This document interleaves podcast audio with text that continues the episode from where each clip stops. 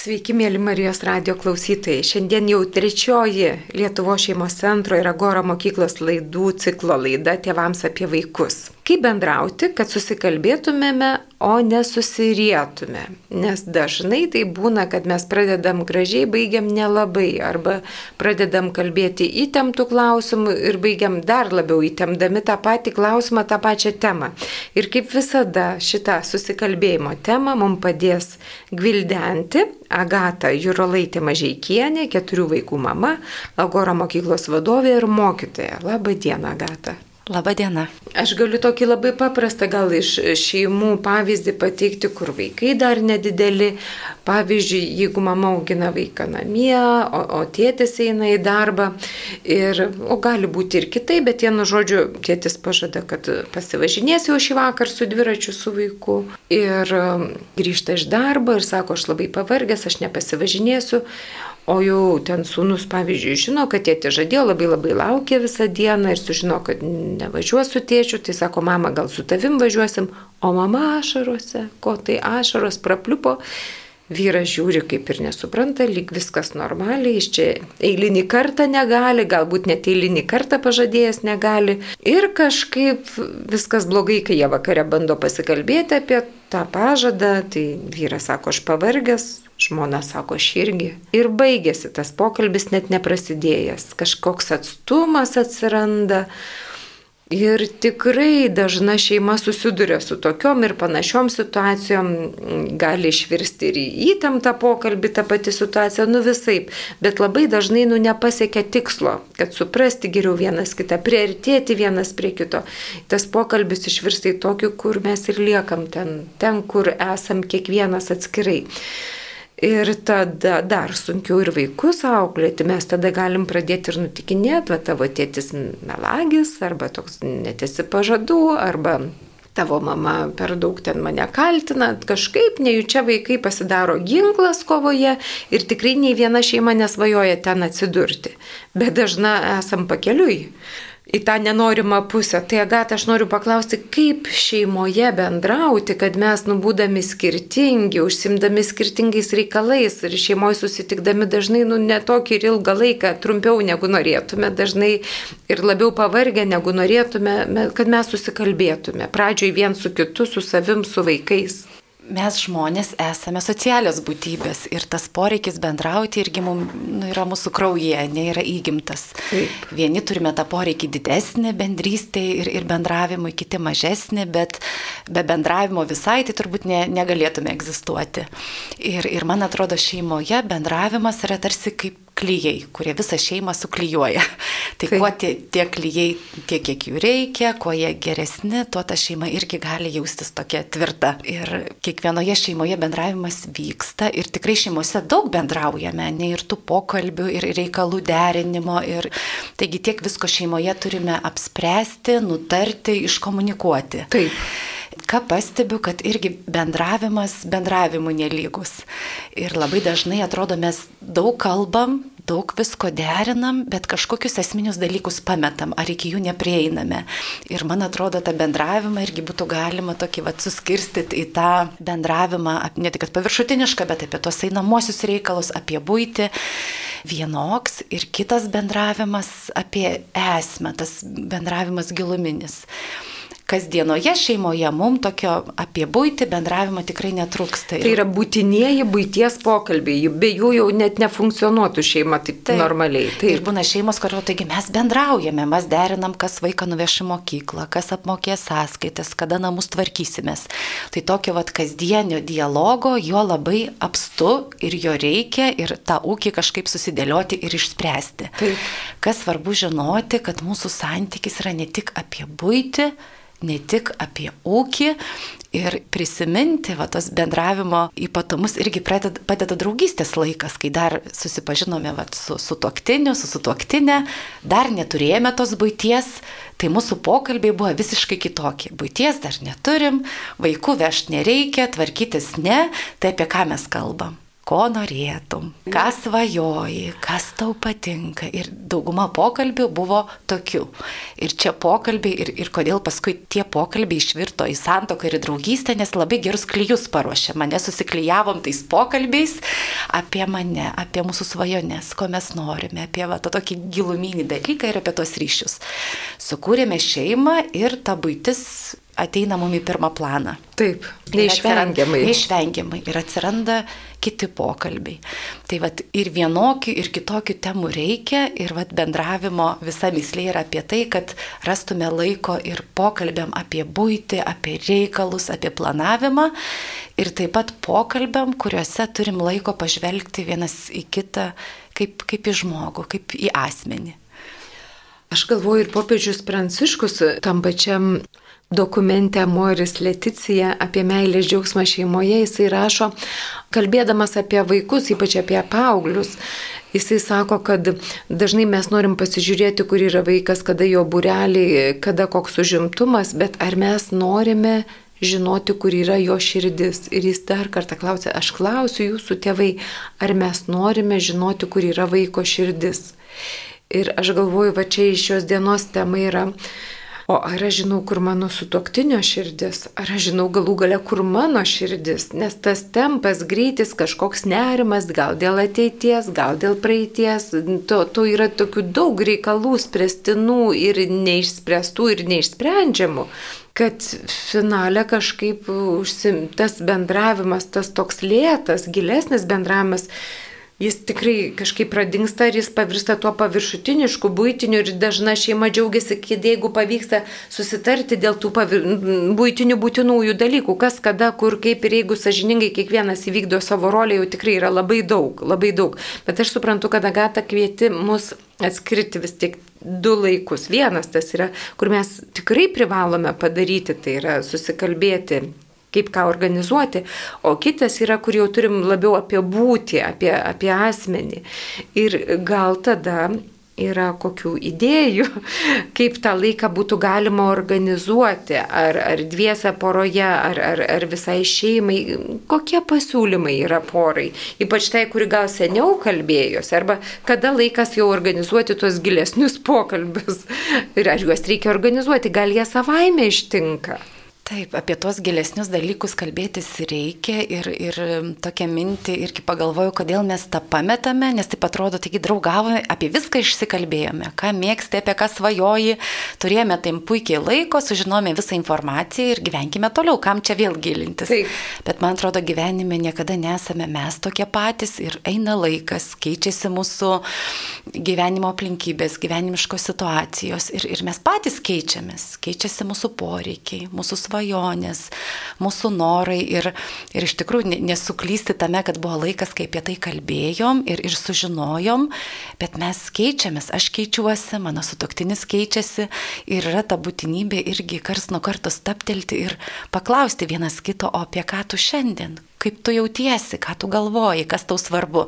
Nes jeigu ir kažkada gavom prieš metus, prieš du ar prieš penkis ar prieš dešimt gavome tą atsakymą, tikėtina, kad laikų bėgant jis gali būti kitoks. Ir man labai svarbu tai išgirsti, kad mes gebėtume nu, vat, būti poroje ir prisidėti prie tų svajonių, atliepti, kartu svajoti, galbūt kurti, kad tikrai tie bendravimo klyjei mus ryštų, o ne einant gyvenimui pradėtume eiti, būdami šalia, skirtingais keliais. Ir, ir labai geras klausimas irgi apie tai, O tai kaip mums rasti laiko ir, ir kaip pasidaryti, kad tie gilūs pokalbiai įvyktų, nes savaime tikrai jie nevyksta. Ne. Pasaulis ne. skuba, viskas tik greitėja ir mes irgi reikalų daugėja, galimybių vis atsiranda ir dėja, bet iš savo irgi va, šeimos gyvenimo, iš tos kasdienybės patirties matau, kad nedarant nieko, tie pokalbiai išvirsta dėja tik apie būti ir tos būties nemažėja, o tik daugėja, nes vaikų tik daugiau, burželiai, visokie reikalai, planai. Ir vat, mes šeimoje irgi su vyru pastebime, kad būna ateina momentas, kad nebesuprantame vienas kito. Kyla pykčiai lygioj vietoj. Ir, ir mums tai būna raudona vėliava, kad jau truputį tolstame vienas nuo kito ir, ir ateina laikas pakalbėti ne tik apie būti, bet ir apie esmę. Ir aišku, būtų gerai nelaukti gaisrų ar tų raudonų vėliavų, nes tada kalbėtis dar sunkiau, nes jos tos situacijos gyvenimiškos apsipina ir emocijom, ir visokiais lūkesčiais, ir tada kalbėtis dar sunkiau. Bet e, svarbu, nežinau, jaunos poros, kurios kuria šeimas, tos, kurios jau kurį laiką gyvena santokai, turėti kažkokią rutiną ar saugią vietą arba kurti tradicijas, kada tas pokalbis galėtų įvykti. Tas pokalbis, kuriame mes randam laiko žvilgsniui vienas į kitą, kaip į porą, į savo vaikus, truputį gilesniam pokalbiui. Tai toks pasimatymų laikas. Aš nekartą girdėjau ir, ir mes su vyru kartais einam į pasimatymus, vat susituokė jau, bet man tokia mintis, kad galėtų būti ir šeimos pasimatymai, kai mes susitinkam, nu taip romantiškai, ar kaip pasakyti, nu kažkaip ypatingai, kai mes tikrai neskubam, kai mes tikrai esam pasiryžę išgirsti kažką, ko gal mes net nežinom. Aš galiu tik pasidalinti pavyzdžiais, nes aišku, visi esam kūrybingi ir galim rasti savo būdą, kaip mes galime rasti vietą sustoti ir, ir pasikalbėti. Ir dažnai norisi, kad tai vyktų kasdienybėje, nes jeigu reikia dėti kažkokias pastangas, kažkur iškilmingai išeiti, tai atrodo, to laiko niekada neatsiranda, bet ką mes toje rutinoje, kurie taip ar taip turime, truputį kitaip ją suorganizuodami ar, ar staptelėdami galime turėti laiką pokalbiui tokiam vat, iš širdies į širdį. Ir, ir mes bendraujame va, daugia vaikių šeimų rate ir iš tikrųjų vieni iš kitų nusižiūrime tas idėjas. Labai ir, ir, ir patiko vienos irgi daugia vaikių šeimos mintis, sako, mesgi valgome kasdien, po tris ar keturis kartus, sako, ar turim valgio laiką. Tai aišku, turim valgom pusryčius, valgom pietus, valgom vakarienę ir ar galėtų būti nors vienas valgys, kur mes susėstume visi kartu. Vienoje šeimoje jie spėja visi kartu pabūti dar per pusryčius. Ir jiem tas, nes tada pietus, kas mokykloje, kas darbe, vakarienė gal irgi bureliai. Ir jie sako, mums ryto laikas, ta ryto kava, ryto arbata, kai mes atsikeliam ir mums taip ritmas sutampa, kad mes turime laiką visi kartu. Jie gali turėti tą pokalbį tada. Ryte. Kitas šeima sako, mes ryte keliame skirtingai, mums darbai skirtingų laikų, bet vakare mes visi 6-7 tikrai esam namuose ir mums proga, ir nesvarbu, kas ant to stalo, ir, ir neturi būti pošni vakarienė arbatos, ir, ir kas tuo metu yra, bet jie irgi turi tą taisyklę, kad visi susėdam prie stalo, pasideda mobiliuosius telefonus iš šona, kad netrukdytų ir, ir pamatykime visus va, šeimos narius kokie mes esame. Ir dažnai pradeda tėvai pokalbį, kaip sekėsi, kas patiko, gal su kažko susitiko, vaikų paklausė. Ir vakarienės metu stengiasi, kad tie pokalbiai būtų ne apie planavimą, ne apie būti ar kažkokius netliktas užduotis, bet giliau, kas, kas vaikam patiko šiandien, kas jie, ką jie nuveikė, ką, ką norėtų nuveikti. Ir tokia saugi erdvė, nes visi valgome, tik tai ar įmanoma šeimai išlošti laiko tame. Kitas pavyzdys irgi iš šeimos, sako, mums ypatingai brangus yra vakaro maldos laikas. Jie vakaro maldą taip organizuoja, kad būna padėkų laikas, prašymų ir per tai visa šeima atsiveria ir nežinau, ką mes už ką mhm. Dievui galime padėkoti, gal turime rūpeščių, kas mums yra svarbu, norime paprašyti ir vat, per padėkas, per rūpeščius irgi turi erdvės išgirsti, o kas kitiem iš tikrųjų yra svarbu, nes kai yra maldos laikas, tai turbūt Dievo akivaizdai išdrįstame atverti savo širdis ir savo prašymus, savo svajones ir tuo metu jie išgirsta, vat, kas mums svarbu, apie ką mes kiekvienas gyvename šiuo metu. Kas yra įdomu, kad aš skaičiau daugybę tyrimų liudijančių, kad šeimos, kurios valgo kartu bent keletą kartų per savaitę, tai vaikų ir savigarba yra didesnė, ir mokymosi pasiekimai geresni, ir daugybė tokių ilgalaikių pasiekmių teigiamų yra. Tik aš galvoju, kas gali pakišti koją prie stalo. Tai tam tikras kritiškumas, špilkavimas, sarkazmas. Kartais būna, kad nu, mum nu, nervina kuris nors ar kažkaip, ar aš, aš pati, pavyzdžiui, nenuotaikoje ar ne. Ir man norisi prie to stalo, vat, kai toks gilesnis pokalbis, ar ir būtinis, bet, sakykime, gilesnis, pakritikuoti, kad ne taip mastai, ar ne tą jauti Kaip čia su tom kritikėlėm elgtis? Ar čia visiems pasakyti ir vis priminti, kad taisyklė tokia, kad kas ką nori tas tą kalbą, tas kalbantysis gali pasakyti ką nors apie kitą ir, ir blogo. Nu ką žinau. Kaip čia padaryti, kad neišvirstų į blogą atmosferą, į blogą praktiką, kad daugiau nieks nenorės kartu vakarieniauti. Arba, nu, nelabai norės. Man bendravimas yra apie kalbėjimą ir apie klausimąsi ir galbūt vakarienės metu galima susitarti, kad čia nevyks kažkokia diskusija ar debatai, bet mums svarbu, kad kiekvienas pasisakytų ir kalbėtų apie save nuo savo asmens, ne apie tave, ne apie kitą, bet aš jaučiuosi taip, man pasisekė tas, aš nerimauju dėl to, aš džiaugiuosi dėl šito. Ir kad pradedam, o kai kitas dalinasi, stengiamės nekomentuoti, nepatarinėti, bet išgirsti, ačiū, kad pasidalinai, mes žinome, apie ką tu esi ir su kuo. Nes labai dažnai mes esame linkę ir dialogas yra apie tai, kad yra kuris kalba, bet tada jis sustoja ir tuo pačiu geba kitą išgirsti ir išklausyti. Ir man atrodo irgi to turime mokytis ir vakarienės metu galime susitarti, kad mes dalinamės, bet stengiamės išgirsti ir nepatarti, nekritikų, nes jeigu šeimos narių būna daugiau, tai vien to pasidalinimo užtenka vakarienės laikui, kad jis įvyktų. Ir tokia laikysena vakarienės metu, jinai vat, leidžia išvengti ir tų konfliktų, ir tos kritikos, nes tikrai jeigu sukritikuojam, kitas užsiveria, nebenori dalintis, nesijaučia saugiai, Taip. tai verta susitarti dėl taisyklių, kad mes pasidalinam, mums svarbu išgirsti suprasti, kaip šita ilga diena mums visiems praėjo ir galbūt susitarti, o kaip tas vakaras, kurio liko 3 valandos, 4, ką mes kaip šeima galime nuveikti. Mhm. Pasidalinti, kaip praėjo diena, O kita dalis, o vaikai, koks lūkestis mūsų vakarai. Gal mes turėsime vakaro maldą, gal kažkas nori išeiti pasivaikščioti, gal mes visi turėsime skirtingas veiklas ir, ir paskui vėl prieš miegą susitiksime. Ir tai verta dėl to susitarti ir, ir jeigu tokia pokalbių kultūra pradeda vyrauti, tikrai drąsiau nuo to ir vaikam, ir suaugusiems atsiverti tokia pokalbių kultūra, kur nu, kiekvienas yra išgirstas ir pasidžiaugta juo, nes popiežius Pranciškus primena ir primena tėvam, atidžiai klausykite savo vaikų, ką jie kalba prie stalo. Ir nesako, ugdykite juos, pamokykite juos, tik sako, atidžiai klausykitės, ką kalba vaikai.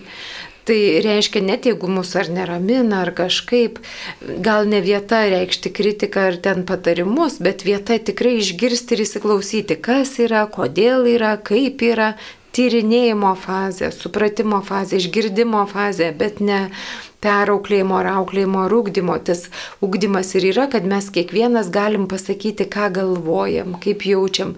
Tai yra viena iš pačių nuostabiausių patirčių, manau, šeimoje, kad kiekvienas turi erdvę, vietą, laiką, kai klausomasi ir kai jisai girdi. Tai neįkainuojamas įgūdis.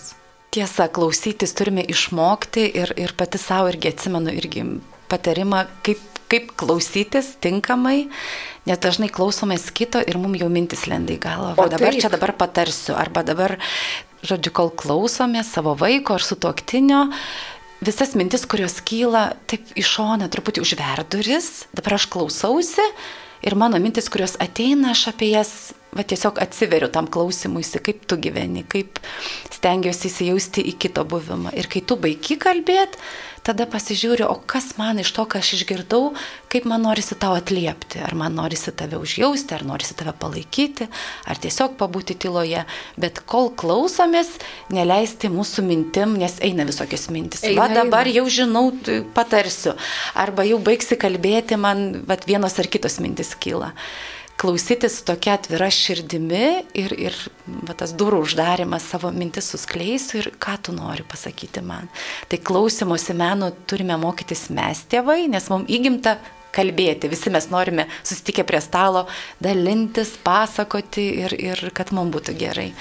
O klausytis irgi mums nėra tiek įgimta ir natūralu, bet, bet to galime mokytis ir tikrai kitas šeimos narys gali būti jaustis nu, toks pagerbtas ir, ir priimtas, kai kiti sutelkia savo dėmesį ir būna čia ir dabar su manimi, su mano dienos įvykiais, su mano svajonėm, su mano situacijom. Ir kaip Violeta minėjai, tikrai va, tas ritualas ar prie stalo susėsti, ar kitoks pokalbių laikas labai vaikų ugdo ir tą emocinį intelektą, ir pasitikėjimą, ir saugumo jausmą, ir labai vertinga laikas. Aš aptariau prie stalo daugiau laiką, todėl kad tikėtina, kad kritikos čia gali būti, tuo tarpu maldos laikė aš tikrai tikiu, kad jau tėvai jau kur kur, ar ten vaikai viens kito jau nebe, nebedrys kritikuoti, ar kažkaip ugdyti, perauklėti, bet stalas tokia vieta, kur tikrai mes savo leidžiam daugiau.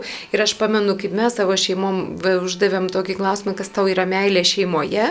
Ir kai vaikai pradėjo sakyti, aš gavau taip užsičiaupti ir taip tylėti. Ir sakė, tiesą sakant, nelabai malonius dalykus.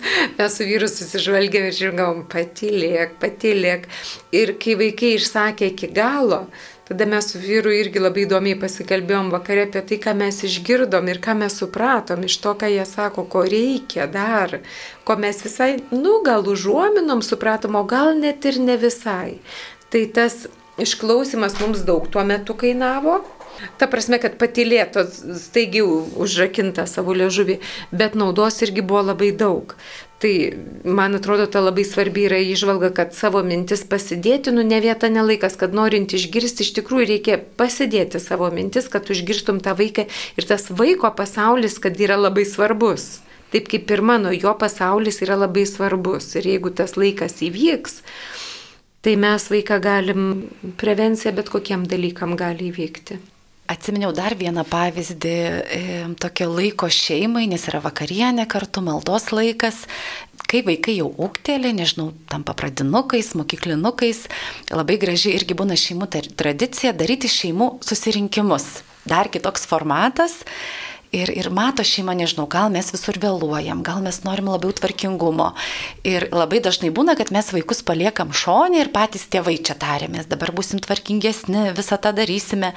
Bet gerai tuos pasitarimus, tiek kiek vaikai geba įtraukti ir juos, ir kartu iškelti kažkokį klausimą ir pasitarti, kaip mes, ko mes norime šeimoje, kaip mes tą pasieksime, kaip vaikai ir tėvai prisidės. Tai tas irgi labai vaikus ugdo, jie džiaugiasi, kad gali savo nuomonę pasisakyti ir visai kitaip, kai susitarė visa šeima, gal pasižymi vienu sakiniu susitarimą ant šaldytuvo užklijuoja, visai kitaip vaikai jaučiasi įpareigoti jų laikytis, nes jie tame dalyvavo, jie pasakė savo nuomonę, galbūt vyko balsavimas, kur čia vyksime į vieną kelionę ar į kitą ir jiem tada lengviau priimti tėvų sprendimą, nes tai yra bendras mūsų šeimos ir mes buvom išklausyti, išdiskutavome ir šeima nusprendė taip. Tai irgi labai geras formatas, labai ugdantis vaikus, ypatingai kai vaikai paaugia, geba pasakyti savo nuomonę, be galo vertinga ir tada jauti, kad šeima yra ne tik tėtis ir mama, kurie turi viską sužiūrėti, sutvarkyti, bet auga vaikai, kurie irgi pagal amžių yra didelė šeimai pagalba ar tvarkingume, ar punktualume, ar netgi irgi diskutuojant, o kur mes šį kartą keliausime ir ką mes norime kaip šeima pamatyti. Jeigu tai šeimos atostogos, kokiu turim svajonių, gal mes dabar turime galimybių vykti tą kelionę, kurią norime, bet sužinoti, va, jeigu bus galimybės ar resursai, visi kartu norėtume, nežinau, į kalnus ar, ar kažką pamatyti. Tai va, šeimų susirinkimų formatas irgi yra be galo lipdantis ir, ir suvienijantis visą šeimą. Tai pirmas atsakymas į tą temą, kaip bendrauti, kad susikalbėtume, o nesusirietume, yra tai, kad mes būtiniais pokalbiais įsprendžiam būtinuosius dalykus, bet be esminių pokalbių mes pametam save ir vienas kitą ir tada mes labiau linkę eiti kaltinimus ir, ir tada būtiniuose pokalbiuose pradeda, prasideda strigimai. O norint pakalbėti giliau tarpusavyje reikia skirti laiko būtinai reikia organizuotai skirti laiko ir tai gali būti paprastas dalykas, bet reikia patiems, vat, ypač tėvams suprasti, kad, pažiūrėjau, per vakarienę mes, vat, vakarienė yra tas metas, kai mes pasikalbame giliau, arba vakarinė malda, kai mes pasikalbame ir susijungiame visi giliau, arba kad ir šeimos susirinkimas, kai vaikai didesni, įtraukiam visus į kažkokios problemos sprendimus ir pažiūrim net labai įdomu šeimos susirinkime, o kaip vaikai mato, kas didžiausia problema, kokią čia galėtume spręsti. Nes gal mums vieno vaikam kitą ir tada mes jau jeigu įmamės spręsti visi kartu, tai ir vaikai daug labiau įsitraukia ir mums mažiau reikia įsitraukti, nors reikia, bet, bet mes tada pasidalyjam atsakomybę. Ir mes tada esam tokie, aš suprantu, jautresni, mes neperžengiam tų ribų, kurių tikrai nereikėtų peržengti, nes mes truputį geriau pažįstame vienas kitą. Ir kas įdomu, kad popiežius Pranciškus inicijavo tokią programą keliauti draugė šeimoms ir, ir minėjo tai, kad šeimos kalbėtųsi giliau dešimt pokalbių, dešimt temų. Yra Lietuvo šeimos centro tinklalapį popiežių šeimoms keliauti draugė. Tokie paprasti klausimai, tai va tas pirmas klausimas buvo, kurį aš minėjau, o kas tau yra meilė šeimoje? Nu, aš galvoju, nu gerai, paklausiu savo šeimos, mes kalbamės giliau, paviršutiniškiau baisiai čia.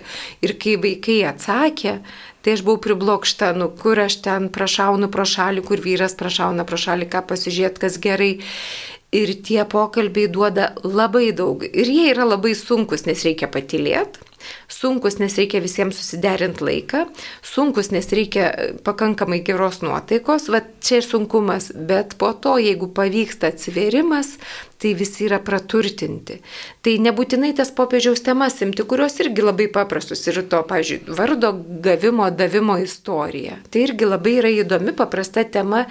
Ir tada tėvai prisimena tą laiką, kaip gimė vaikelis, kaip mes davėm vardą, vaikam papasakoja, vaikai supranta, kaip jie buvo laukiami, mylimi ir tas sujungia tikrai giliau. Tai Esmė tokia yra, kad mums norint susikalbėti reikia gilesnio laiko tam, kad mes nu, galėtumėm išgirsti kitą iš tikrųjų, ne tik reikalus, bet ir kitą žmogų.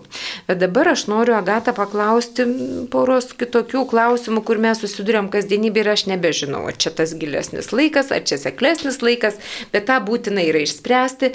Tai vienas iš dalykų, kai tėvai ką nors pažada vaikams arba vienas kitam, grįžta po darbo, yra pavargę ir sako, ai ne, ai ne. Tai žinau, kad vaikai nusivylė totaliai, ypač jeigu buvo lauktas dalykas. Nu, aišku, mums atrodo, dėja mažmožis, nu koks nors, nu netoks rimtas dalykas, nu pakenties palauks rytoj, bet kas baisiausia, kad būna žiūri rytoj negali ir tarpusavį, va tas toks kažkoks lyg ir lengvas pažadėjimas, toks sunkus ištiesėjimas. Kaip čia su tais, ar nežadėt, ar kaip elgti su pažadais, kas, kas iš to? Iš tiesų, mūsų žodis nežvirblis, ne ir tai, ką pasakom, ypač vaikam, turi labai didelį svorį ir didelę vertę, nes vaikai, kuo jie mažesni, tuo jie tėvus mato kaip tokius tobulus, išbaigtus, tokius autoriteto autoritetus. Ir jiem atrodo, ką tėvai pasako, jie viską priima už Kaip grina tiesa, kaip grina pinigai. Ir jeigu tėtis sakė, eisim, važinėsim su dviračiu ar, ar kitą pažadą davė, vaikas tai įsideda giliai, giliai širdį. Ir jam tai yra labai svarbu. Todėl vat, su pažadais vaikam būkime atsargus ir jau geriau nežadėti, negu pažadėti ir neištesėti. Nes kas tuo metu įvyksta, tas tėtis ar mama, kuris vaiko akise yra toks, nu, sektinas pavyzdys, toks to, tobulybių tobulybė, pat, pat, pati mhm. geriausia būtybė žemėje, kurią aš seku, kurią pasitikiu. Ir, ir dabar koks vaiko širdį vyksta lūžis, kai tėtis šito nebus. Ir vaikas nesupranta, kas, kas įvyko.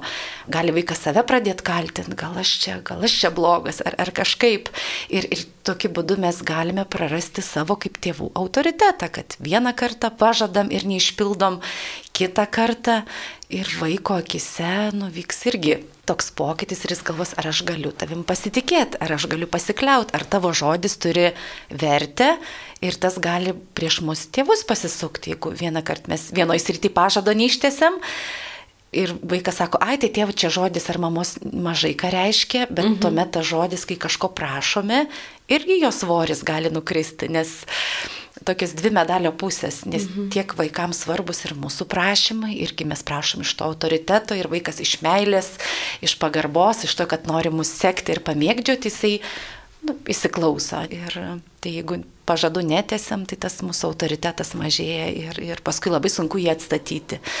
Ir aišku, gali būti nenumatyto aplinkybių, kažko, kad tikrai nesuplanavome ir ne, neišpikto, bet kalbėtis apie tai su vaiku ir susitarti, žiūrėk, labai atsiprašau, man buvo nenumatytų aplinkybių ir, ir šiandien nepavyks. Bet kaip aš galėčiau, kai mes galim ar kitam kartui susitarti, arba, bet man tavo noras pasivažinėti su dviračiu, man jis atrodo labai svarbus. Pasitarkime, kada galėtume artimiausių metų jį išpildyti, nors šiandien ir nepavyko, bet galbūt rytoj, arba savaitgalis ir mes ryte anksti atsikėlę, pirmą, ką darysime po pusryčių, eisime važinėti su dviračiu. Ir, ir tada vaikas irgi na, supranta tokį atsakymą. Tai agata iš esmės būtų, kad į vaiką reikia žiūrėti rimtai, į savo žodį reikia žiūrėti rimtai, jau pažadį ištiesiek, nepažadėjai pasitaisyk.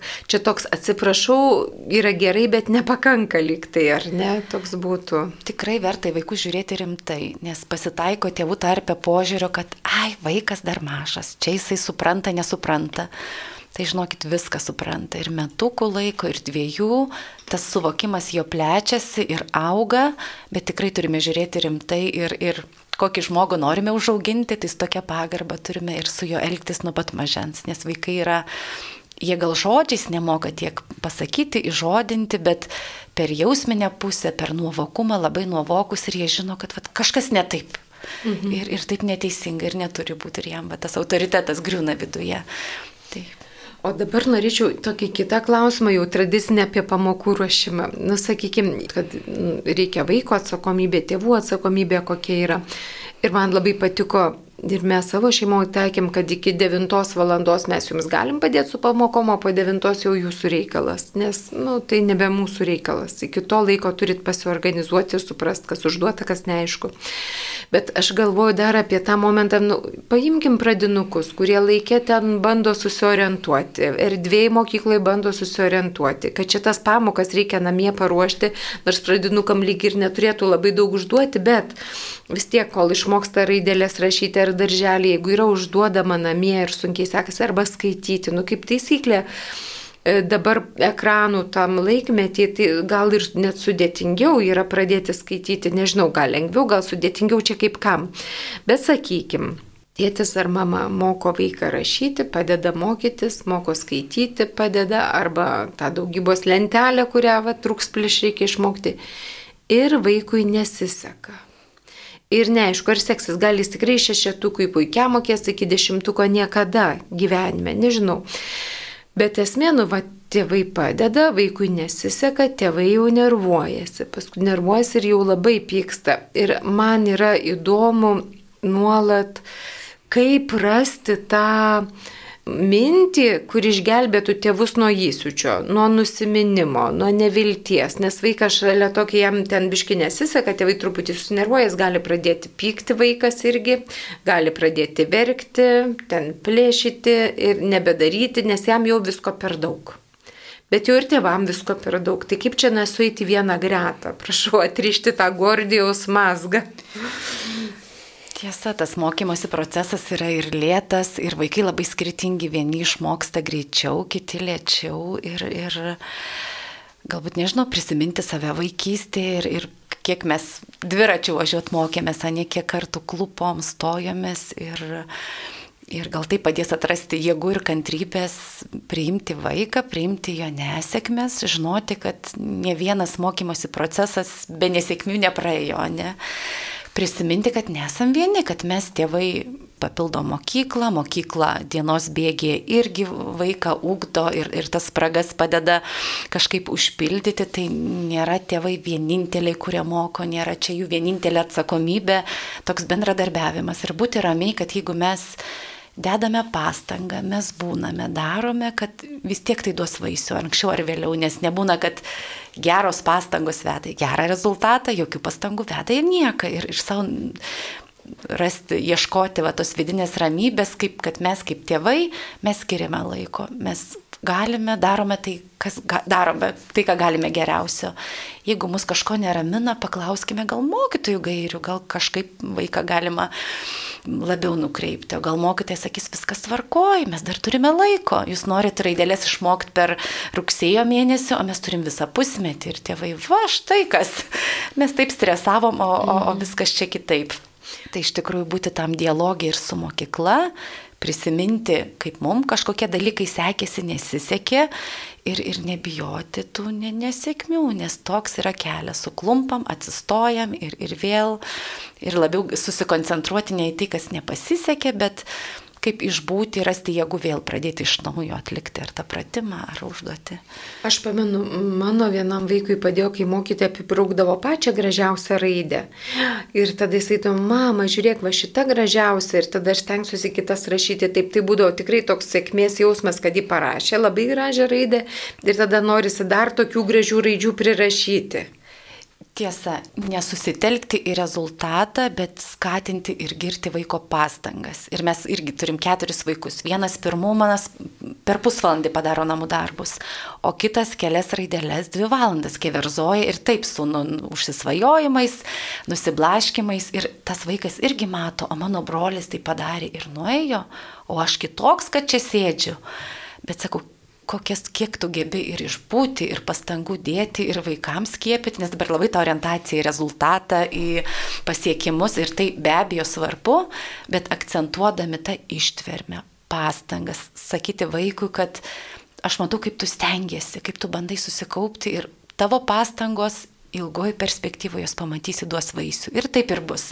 Tai girkime labiau pastangas vaiko, pasidžiaugkime jomis ir sakyk, rezultatas jis turi subręsti, kaip koks vaisius subręsta laiku atėjus. Ir, ir žinom irgi iš patirties, būna vaikai talentingi ir jie įpranta, kad jiems viskas lengvai sekasi ir jie tarsi viskas lengvai, bet pasunkėja dalykai ir žiūrėk, neįpratę nei dirbti, nei išbūti ir jau kur talentas nebegelbėja, bet reikia kitų savybių. Ir tie vaikai, kuriems buvo sunkiau, bet jie išmoko dirbti, sutelkti dėmesį, nenusiminti, būna tie vaikai pralenkia mokykloje ar, ar su muzikos instrumentais, jie pralenkia tuos gabiuosius, nes gabiem iki tam tikro momento sekasi viskas lengvai, kol tas krūvis padidėja tiek, kad reikia ištvirmės ir reikia pradėti mokytis eiti per tas nesėkmes, kad neišeina išspręsto uždavinio ir jau neužtenka to talento. Ir tėvam, aš galvoju, gali padėti ta mintis, kad nu, vaikas ne šiandien turi išmokti skaityti, kad, ta prasme, pažiūrėsiu, kokia bus pažanga per savaitę, per mėnesį, kad tėvai suprastų, kad ar rašyti, ar skaityti, ar daugybos lentelę, aš žiūrėsiu, kokia pažanga bus per tam tikrą laiko atkarpą ir ne šio vakaro, nors tekstą reikia jo išmokti šį vakarą skaityti, bet pažiūrėti, nu gal gal labai lietai skaito, gal su klaidom, tai galima, nes mokykla moko, o ne iš mokykla, ateinam jau išmokę į mokyklą viską. Tai aš suprantu, kad tas davimas laiko savo, jeigu tėvai duotų laiko savo, kad vaikas gali klysti, bet ta klaida vėl yra toks mūsų kryžius, mes taip nu, nenorim, taip kratomės Atrodo, kad jeigu suklydai, esi nepakankamai geras, ar tėvas, ar mama, ar specialistas, tai ir vaikas, jeigu suklysta, kažkaip griūva viskas. Tai aš noriu vėl paklausti, Gata, nu kaip mums žiūrėti į klaidas? Parnešė iš mokyklos ne dešimt ir net ne septynis. Tragedija, kas čia turėtų vykti? Čia, man atrodo, susiję, kaip mes suaugę žiūrime į savo klaidas. Ar, ir nežinau, ar mes prieš vaikus irgi išteistame būti pažeidžiami ir, ir parodyti, kad man, nežinau, kepiau piragą ir man nesigavo. Ir, ir man nesėkmė, aš leidžiu, bet, bet tai va tas pažeidžiamumas ir būna, jeigu patys savo neleidžiame klysti, tai mums tuomet sunkiau ir vaikų klaidas priimti. Mes su juom nepriemam, nesitaikom ir taip toliau. Mirštam. Tai kartais leiskime ir savo būti žmogiški, nes kas yra ta klaida, tai yra tokia išmokta patirtis, nes klaidų baime veda į tai, kad aš tada nieko neveikiu, nes kuo mažiau veikiu, tuo mažiau progų suklys, tuo man ramiau, bet, bet ar iš tiesų taip yra? Tas vengimas, ko gero, tą klaidą tik tai padidina ir sustabdo ties ją, mhm. vietoj to, kad pajudėt po truputėlį ir išspręst. Agata, baigiantis laidos laiko, aš noriu vėl vat, paklausti vienu sakiniu ar porą sakinių atsakyti į tą klausimą. Tai kaip mums bendrauti, kad mes susikalbėtume, o nesusirietume? Kokie čia esminiai dalykai? Žinoti, kad tikrai bendravimo mums reikia, ne? ir tai mus labai suartina. Ir tame bendravime tiek pačiam pasisakyti, kaip, kaip aš gyvenu, tiek mokėti išgirsti kitą ir, ir rasti laiko. Ir visų pirma, turbūt poroje ar, ar pasimatymų laiką, ar, ar kažkokią valandėlę ar pusvalandį pasivaikščiojimo, kuriame kalbėtumėmės ne tik apie būti, bet, bet ir apie esmę, nes tai visako pamatas.